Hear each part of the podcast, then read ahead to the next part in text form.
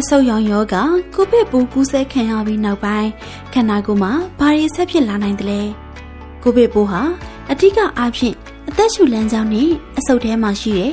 လေအိတ်ငယ်လေးများကို ရောင်ရမ်းစေတဲ့အတွက်ကြောင့်အောက်ဆီဂျင်ကျခြင်းအသက်ရှူကျက်ခြင်းအစရှိတဲ့ယောဂလက္ခဏာများကိုခံစားရတတ်ပါတယ်။သို့တော်လည်းကိုဗစ်ယောဂပိုးဟာအဆုတ်နဲ့အသက်ရှူလမ်းကြောင်းအပြင်တခြားသောကိုယ်အင်္ဂါစိတ်ပိုင်းများကိုပါ တိုက်ခိုက်ဖျက်ဆီးနိုင်ကြောင်းလည်းတွေ့ရှိရပါတယ်။ကိုဗစ်ပိုးခန္ဓာကိုယ်ထဲဝင်ရောက်ပြီးပါကအဖြစ်များတတ်တဲ့ဘေးထွက်ဆိုးကျိုးတွေအနေနဲ့ကတော့မျက်ကြည်လွှာအမြင်လွှာအမြင့်အာရုံကြောများထိခိုက်ခြင်းရောင်ရမ်းခြင်း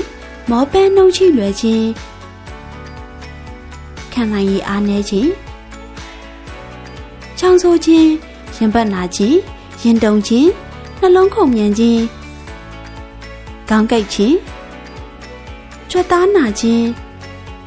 အဆစ်အမြင့်များနာကျင်ရောင်ရမ်းခြင်းဗိုက်နာခြင်းဝင်သွားခြင်းအဖျားရှိခြင်းညဘက်အိမ်မပျော်ခြင်း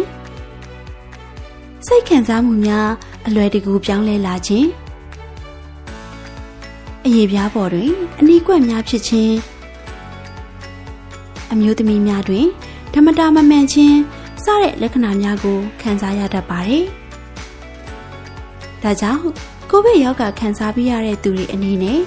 နလန်ထူပြီးနောက်ပိုင်း3လမှ6လခန့်ပြင်းပြင်းထန်ထန်လှုပ်ရှားမှုများပြုလုပ်ခြင်းကိုရှောင်ရှားပြီးကျန်းမာရေးစစ်ဆေးမှုများကိုပြုလုပ်သင့်ပါတယ်ရှင်။